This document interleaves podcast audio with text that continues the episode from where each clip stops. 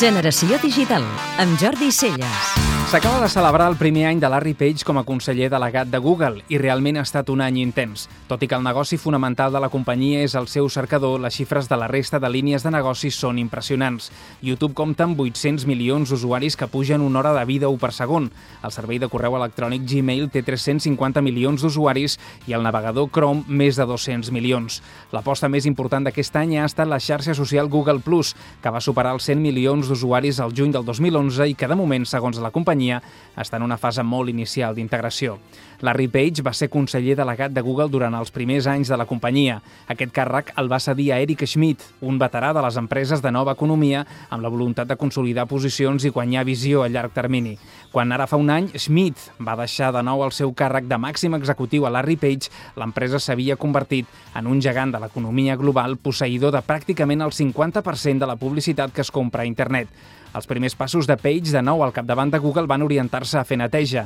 Es van tancar més de 30 projectes, alguns de molt llarg recorregut, i sense deixar d'investigar es van concentrar els esforços en oferir solucions menys superficials i més profundes als seus usuaris, segons paraules del propi Larry Page, a la carta oberta dirigida als inversors que ha publicat amb motiu del seu primer any al càrrec.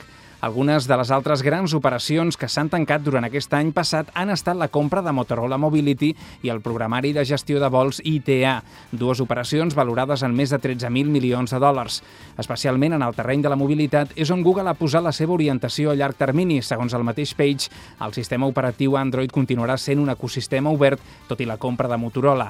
Android s'activa diàriament en més de 850.000 dispositius en una xarxa de més de 55 fabricants mundials i més de 300 companyies de telefonia.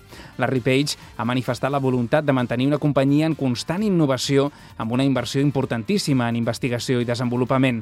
Aquesta era la filosofia fundacional i aquesta és la que manté un dels seus fundadors ara com a conseller delegat de la companyia. El cercador Google, tot i que no pugui semblar-ho a primera vista, mai ha deixat de canviar i de millorar i al mateix temps ho han fet la resta dels seus serveis. Les relacions públiques, a més, han aconseguit fer notoris els darrers projectes del cotxe que ens condueix tot tot sol o de les ulleres de realitat augmentada. Segurament, la realitat és molt menor que l'impacte mediàtic generat al seu voltant, però gràcies a això, Google pot presumir de continuar sent una de les empreses més influents i innovadores del moment.